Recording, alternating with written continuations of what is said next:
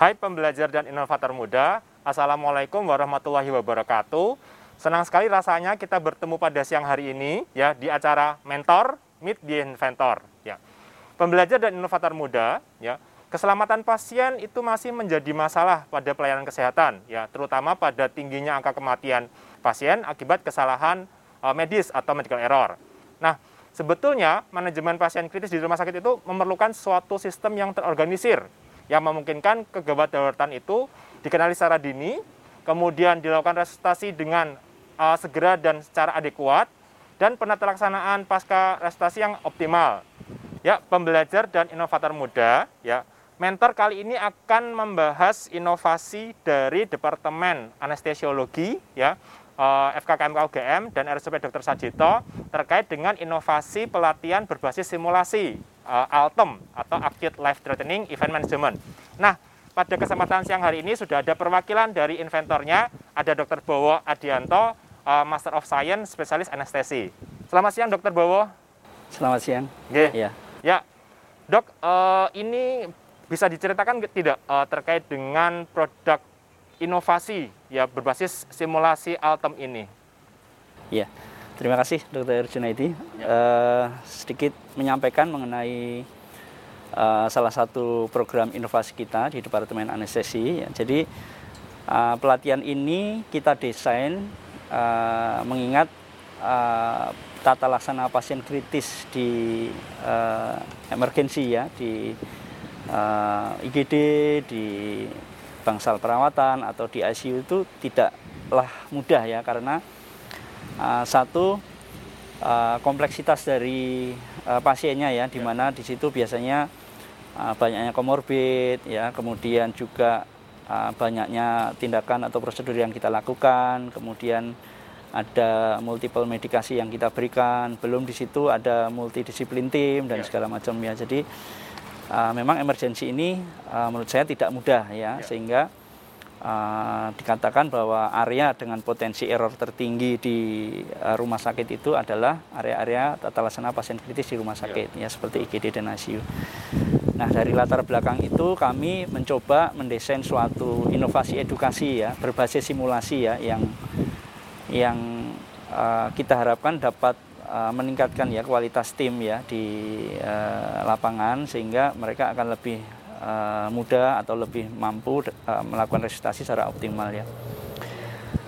Dan program uh, pelatihan-pelatihan di departemen kami sebenarnya sudah kita mulai sejak tahun 2015 ya. Di di gambar terlihat kami sudah melatih di banyak tempat ya. Di dari Aceh sampai Papua ya. Sampai hari ini katakanlah sudah 60 rumah sakit kami yang mendatangi rumah sakit untuk membentuk sistem ya. Dulu pelatihan yang kita kembangkan awalnya adalah sistem EWS dan Code Blue.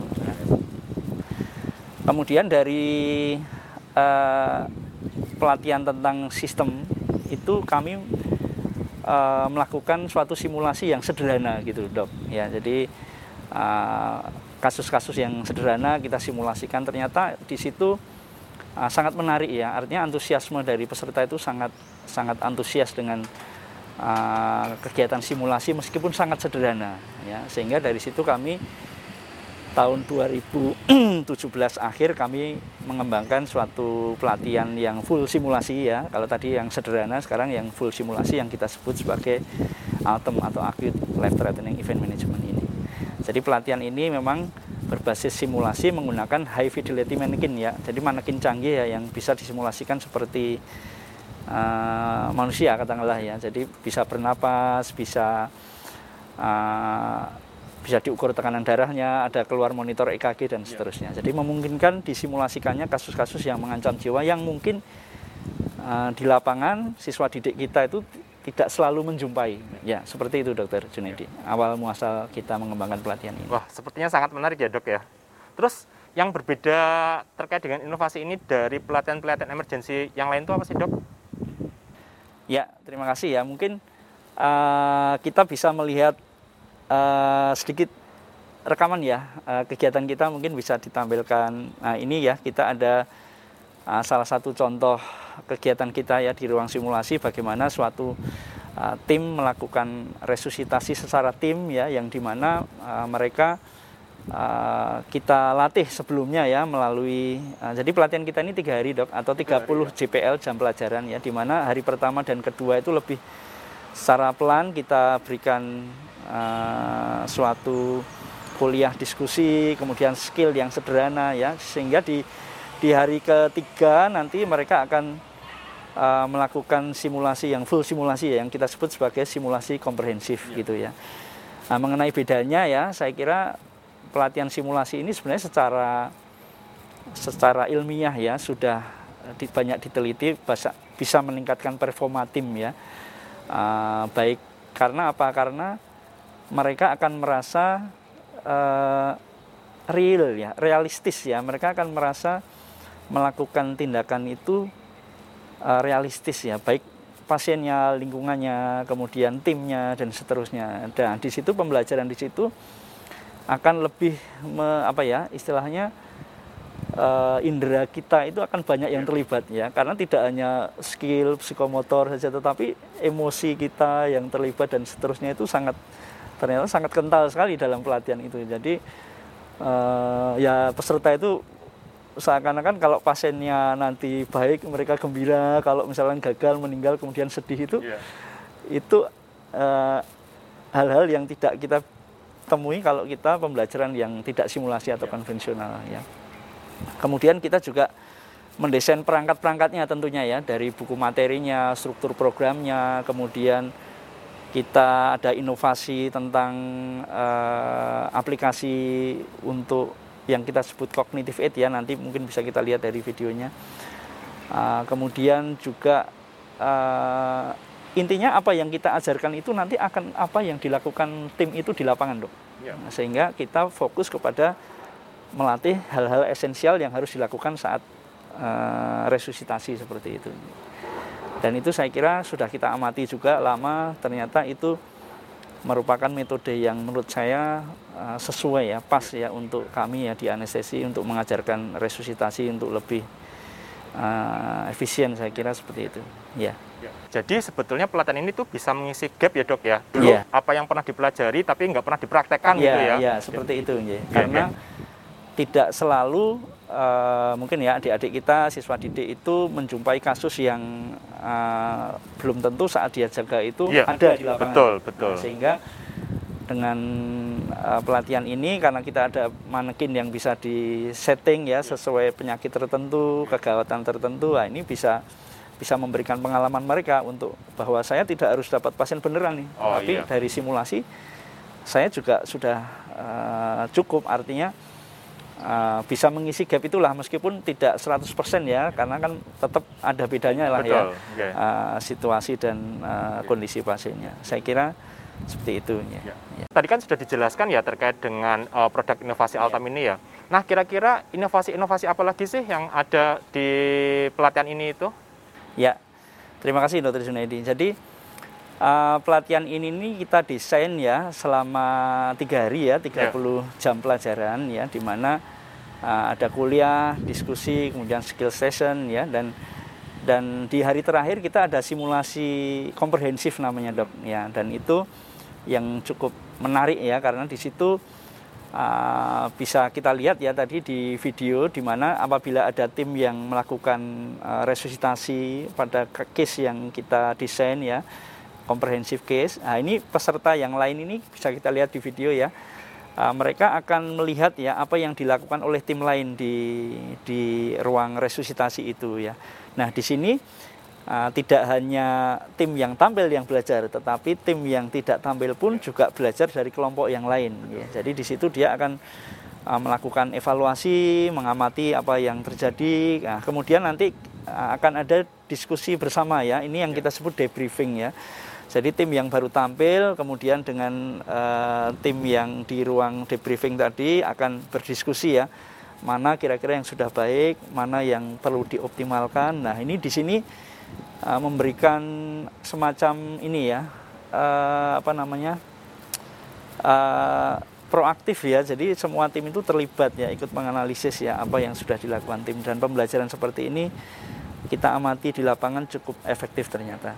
Ya, jadi ibaratnya kalau melakukan itu mungkin kadang lupa ya dok ya. Tapi Iya. kalau temannya yang mengobservasikan mungkin bisa lebih detail ya. Iya, seperti itu. betul. Iya. Jadi uh, kadang-kadang tidak semudah itu dok di Iya, lapangan betul. itu dengan yang nonton. Nanti Iya, kalau yang iya. nonton tuh tampil mereka juga ternyata amburadul juga, Ngeblank gitu ya, ngeblank juga. Dan ini uh, yang menarik dok, kita ini ternyata tidak hanya belajar dari tim yang baik ya, Iya. yang tim yang berhasil ya, tetapi tim yang kurang baik pun bisa menjadi pembelajaran kita Iya, bahwa iya. Oh seperti ini uh, suatu kesalahan Iya. sehingga untuk kelompok lain supaya tidak terulang Iya, gitu betul. dan dan Iya. untungnya ini hanya simulasi yang Iya. itu tidak akan berefek ke keselamatan pasien. Iya, nah, itulah betul, kelebihannya simulasi dok salah satunya gitu. Ya. Dok, tadi kan eh, kayaknya disebut-sebut terkait dengan cognitive aid ya. Itu sebetulnya apa dok? Iya. Terima kasih dok. Eh, jadi cognitive aid ini ya eh, seperti ada yang kita lihat di video ya. Jadi cognitive aid itu eh, semacam eh, guideline dok ya, guideline atau protokol. Tetapi bedanya cognitive aid itu digunakan saat resusitasi dok. Oh. Ya seperti menjadi eh, eh, panduan ya Iya. atau checklist ya supaya hal-hal yang esensial itu tidak terlupakan Oke. ya karena uh, secara ilmiah otak kita itu ada keterbatasan dok. Apalagi di suatu kondisi akut yang uh, crowded dan segala macam jadi diperlukan suatu cognitive aid ini. Dan cognitive aid ini kami desain dok uh, apa istilahnya secara sistematis dengan algoritma-algoritma kemudian juga kontennya kita usahakan yang uh, tentunya update ya sesuai dengan evidence base-nya ya. Dan kita mendesain ini dalam bentuk buku ya ada yang dalam bentuk buku. Nah, nanti bisa dilihat di videonya. Kemudian ada yang dalam bentuk eh, aplikasi di mobile phone ya di Android bisa di download ini free dok di download ya. keren. silahkan ya eh, semua bisa mendownload. Tinggal ketik aja acute life threatening event management. Nanti bisa di download free ya. Iya. Kemudian eh, kita kembangkan lagi dalam bentuk bedset digital eh, protokol istilahnya ya. Iya. Jadi tadi cognitive aid-nya itu kita kita kita desain dalam bentuk bedset ya. Jadi ini mobile juga dok ada rodanya, jadi bisa digeser per bed pasien. Jadi eh, apabila kita merlu- memerlukan informasi apa untuk pasien kita, kita bisa tinggal di situ sudah tersedia eh, hal-hal yang berhubungan dengan resusitasi pasien seperti itu. Jadi ibaratnya boleh ngepek ya daripada kelupaan gitu ya dok ya. Ya karena karena secara teori kita lupa dok. Iya, betul. Eh, karena Iya. ada orang yang oh saya ingat tapi ternyata setelah eh, banyak pen- penelitian ya yang Iya. dikatakan itu dalam kondisi emergensi itu misalkan ada 10 item mungkin yang eh, diingat hanya 6 atau Iya, iya. atau mungkin lima gitu ya. Iya, Jadi alat ini sebenarnya memastikan supaya tidak terlewat. Ya, Terlewat, bukan betul. menjadi alat utama, Iya. tetapi mengkonfirmasi apakah kita sudah semua kita lakukan atau belum. Iya, Gitu iya, dok. Iya. Iya. Oke, terima kasih dok. Iya. Ya, mungkin kembali ke belakang lagi dok ya terkait dengan pengembangan produk ya. Bisa diceritakan nggak dok eh, pihak yang terlibat pada saat pengembangan produk ini? Uh, terima kasih Dr. Junaidi. Jadi uh, produk ini dikembangkan ya tentunya uh, dengan dukungan banyak pihak ya, baik dari uh, utamanya tentunya dari staf Departemen Anestesi ya, kemudian dari Diklat Rumah Sakit Dr. Sarjito yang kebetulan Diklatnya sudah terakreditasi ya. Kemudian juga dari uh, profesi ya, dari FKUGM ya. Uh, semua sangat mensupport kami me- mendesain uh, pelatihan ini ya karena uh, memang awal-awal cukup berat ya upaya kita dok karena kita harus mendesain yang namanya uh, struktur programnya yang struktur program itu kemudian kita breakdown jadi uh, materi-materi yang kemudian kita akan bikin suatu makalahnya atau modulnya. Kemudian kita membuat powerpoint ya. Kemudian simulasi itu kita harus bikin case-case-nya ya. Jadi memang tidak mudah membuat pelatihan itu di awalnya dok ya. Tapi ya berkat eh, dukungan dari semua pihak tahun 2017 akhir itu kita bisa eh, memulai pelatihan dan sampai hari ini pun kami masih terus melakukan revisi-revisi karena eh, tidak hanya peserta yang belajar dok kami pun simulasi ini sedang belajar juga karena eh, banyak center itu yang juga sedang meraba-raba ya melakukan simulasi yang yang ideal itu yang seperti apa. Jadi kami masih belajar sampai saat ini. Ya. Ya, ya. Oke, terima kasih jawabannya dok. Nah, kan tadi dikatakan awalnya kan berat ya dok ya, cukup Iya, berat ya. iya. Nah, eh, ini kan kebetulan sudah te- ibaratnya terhilirisasi ya produknya ya. Iya, Nah, sebetulnya tantangan terbesarnya itu apa dok dalam pengembangan di awal sampai eh, jadi produknya? Iya. Ya, terima kasih ya, eh, Dok. Jadi eh, memang tujuan kita mendesain eh, kegiatan ini itu supaya memang eh, istilahnya teman-teman atau adik-adik yang bekerja di eh, emergency ya itu bisa mendapatkan eh, paparan ya paparan edukasi yang yang yang mudah yang yang efektif gitu ya. Sehingga eh, kami berusaha melakukan eh, banyak hal ya terutama untuk eh, publikasi ya publikasi ya di mana publikasi yang terbaik itu adalah menurut kami adalah kualitas kita yang baik ya. Jadi makanya dok kami selalu berusaha mengembangkan pelatihan ini meningkatkan eh, inova- memberikan inovasi-inovasi ya yang yang itu nanti eh, calon peserta itu akan menilai sebenarnya dok bahwa eh, apa ini layak nggak diikuti pelatihan ini ya. Jadi alhamdulillah dok eh, meskipun banyak pelatihan-pelatihan lain ya yang mungkin sudah lebih dahulu ya pelatihan-pelatihan yang internasional ya mungkin. Tapi masih kita Altem ini masih punya masih punya tempat lah. Ya. jadi kita selenggarakan setahun tiga kali di Rumah Sakit Sarjito pelatihan ini juga menjadi pelatihan wajib sekarang untuk mahasiswa kedokteran UGM yang sebelum ujian UKM PPD Ya. ya jadi alhamdulillah sudah rutin dilakukan ya. Eh, kemarin bulan Januari 2021 ini sampai kalau nggak salah Maret ya kita melatih eh, 10 angkatan kemarin. Ya jadi sebelum lulus adik-adik itu eh, kita latih dulu ya secara simulasi itu untuk memberikan tambahan ya tambahan bekal lah mereka ya sebelum terjun ke lapangan. Ya. Iya. Oke, Jadi salah satu tantangannya sebetulnya ibaratnya never ending innovation ya dok ya. Iya Jadi betul, betul. harus selalu berinovasi Iya, ya. Iya, iya. Iya, betul. Dan ini kan suatu produk yang dijual ya dok ya. Jadi Betul. kita harus kalau mau menjual produk itu yang paling bagus itu ya kualitasnya dulu ya. Kalau Iya. kualitasnya bagus, kemudian sistem publikasinya bagus, nah itu eh, nanti akan bisa diserap oleh pasar. Ya, seperti itu. Ini berarti inovasinya sudah mendapatkan paten ya dok ya?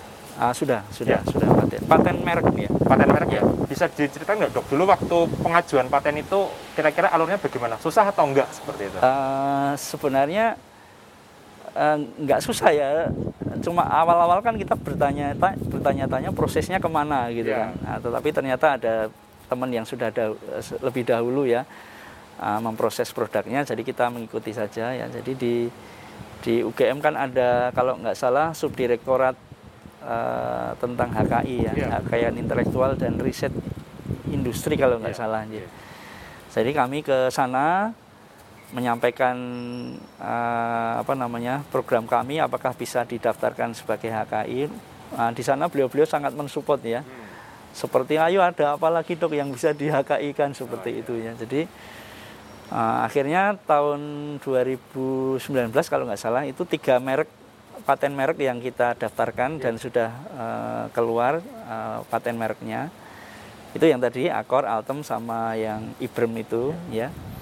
Kemudian tahun ini kami mengajukan eh, pat, ya, HKI untuk ternyata satu pelatihan ini bisa di HKI banyak ini dok. Oh, Misalkan aplikasinya ini tadi, betul. buku kognitif aid-nya, bedset eh, tadi. Ya, jadi selain merek pelatihannya sendiri, ternyata eh, inovasi-inovasi kecil-kecil yang lain itu bisa di Ya. eh, di apa namanya bahkan kalau yang bedset ini eh, bisa masuk ke paten sederhana katanya Oh, oke. Nggih, istilahnya paten sederhana Nggih, tapi baru kita ajukan tahun ini ya. Jadi beratnya induknya Altem tapi anakannya banyak gitu ya dok ya? Eh, anak-anaknya banyak dan itu bisa di di Patenkan semua ya? dipatenkan, Ya, oke. termasuk kita mendukung Altem ini kita bikin video-video tutorialnya Betul. dok Oh, iya, betul. jadi kan Iya. misalkan ada ada materi tentang henti jantung CPR ya dok Betul. kami membuat video videonya dok supaya nanti peserta itu oh seperti ini ya Iya. sehingga punya gambaran mereka nah itu videonya bisa di HKI kan Iya. dok. jadi satu produk ini bisa banyak Iya. HKI-nya dok bertelur banyak gitu. bertelur banyak iya. Ya, Dok. uh, tadi kan disebutkan bahwa salah satu peran UGM adalah membantu menguruskan ya hak patennya dan sebagainya ya. Iya.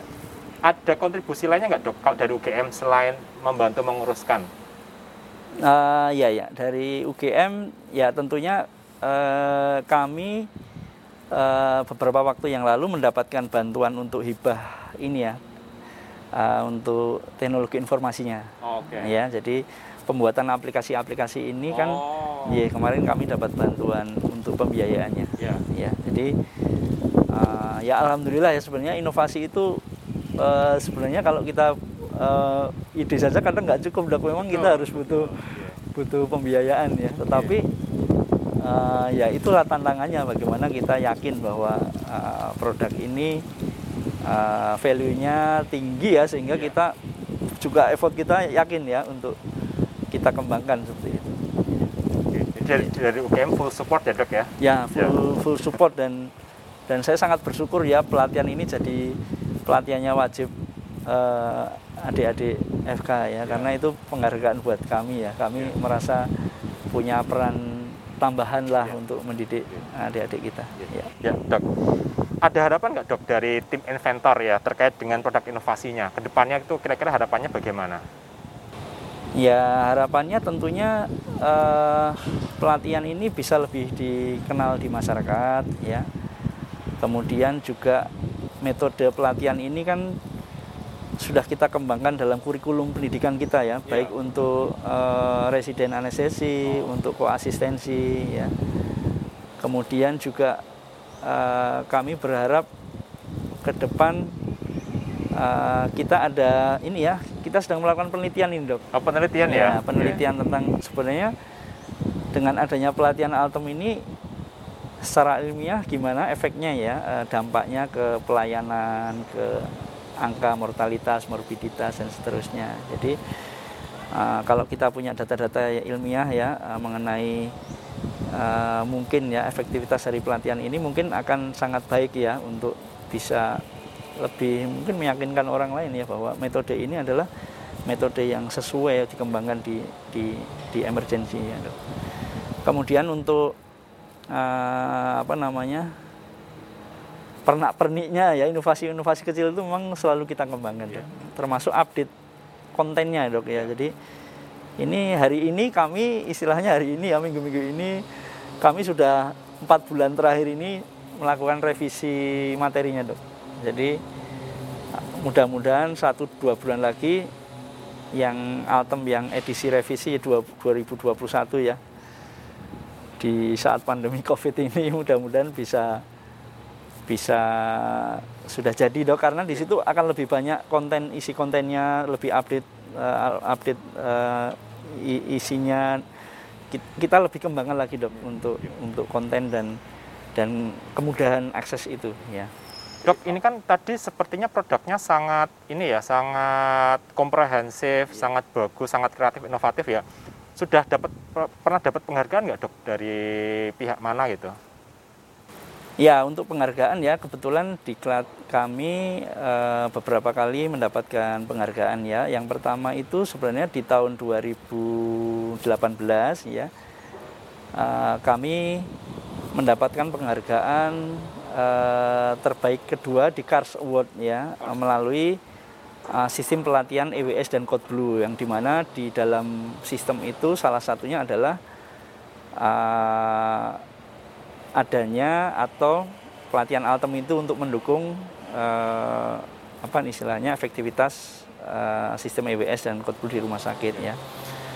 Kemudian di tahun 2018 itu juga pelatihan Altem ini menjadi yang terbaik pertama di Persi Award ya eh, dalam kategori eh, Human Resources De- Development Project Iya. ya jadi eh, alhamdulillah eh, pelatihan kita ini dianggap eh, inovasi inovasi inovasi itu dianggap eh, mungkin baik ya jadi kita kemarin waktu mengalahkan di final mengalahkan lima lima kandidat yang lain ya jadi Ya, ini berarti luarannya sangat lengkap ya dok ya. Ada produk, ada hak cipta, sampai bahkan penghargaan-penghargaan juga dapat semua ya dok ya. dan income tentunya ya Oh, karena iya, betul. eh, kalau peserta itu dari luar kan juga uh, ada fee yang dibayarkan ke kita ya dan dan itu sebenarnya lebih ke untuk pengembangan ya pengembangan, Jadi, uh, pengembangan dan juga untuk rekan-rekan uh, yang sudah uh, mendukung ya mendukung dalam pelaksanaannya. Tadi yang terkait dengan pesan-pesan untuk para pembelajar dan inovator muda. Ya, uh, terima kasih Dr. Junaidi. Jadi untuk rekan-rekan uh, ya yang memang punya uh, rancangan ya inovasi-inovasi ya untuk uh, selalu uh, optimis ya, selalu optimis. Kemudian juga mungkin uh, saran saya berkolaborasi ya dengan pihak-pihak yang mungkin bisa membantu kita ya dalam dalam uh, terwujudnya inovasi-inovasi itu gitu ya dan dan memang uh, tidak mudah ya artinya harus yang kita lalui itu memang akan agak berat di awalnya ya tetapi ya saya yakin ya uh, semua semua upaya kita itu pasti nanti akan akan ada hasilnya kalau kita uh, tekun ya. Artinya uh, percaya pada proses ya. Dan mungkin itu yang sudah kita lakukan ya. Awalnya kami juga berat di awal ya tetapi berikutnya lebih ringan dan bahkan bisa istilahnya diversifikasi ya. Jadi satu pelatihan jadi pelatihan yang yang yang banyak gitu ya. Sehingga kami di di anestesi pun kami sekarang ada 13 program pelatihan dok ya, ya jadi dari satu itu sekarang ada 13 macam jadi kan uh, itu uh, apa namanya itu proses yang kita uh, lalui dan dan saya kira uh, bisa dilakukan oleh siapa pun saya kira asal punya punya kemauan gitu. Ya. ya dok. Berarti berdarah-darah di awal tapi buahnya manis ya dok ya? Iya saya kira hmm. seperti itu. Ya. Ya. ya. Oke, uh, para pembelajar dan inovator muda, itulah tadi bincang-bincang kita bersama Dr. Bowo, ya spesialis anestesi yang sangat bermanfaat. Nah, semoga menambah semangat kita untuk terus berinovasi ya dalam memajukan uh, pelayanan kesehatan di Indonesia. Jangan jadikan ya keterbatasan sebagai suatu hambatan ya, tapi jadikanlah suatu motivasi untuk kita terus lebih aktif, kreatif dan inovatif ya. Sampai jumpa di acara mentor selanjutnya, uh, Meet the Inventor. Ya, salam leres, wassalam, wassalamualaikum warahmatullahi wabarakatuh.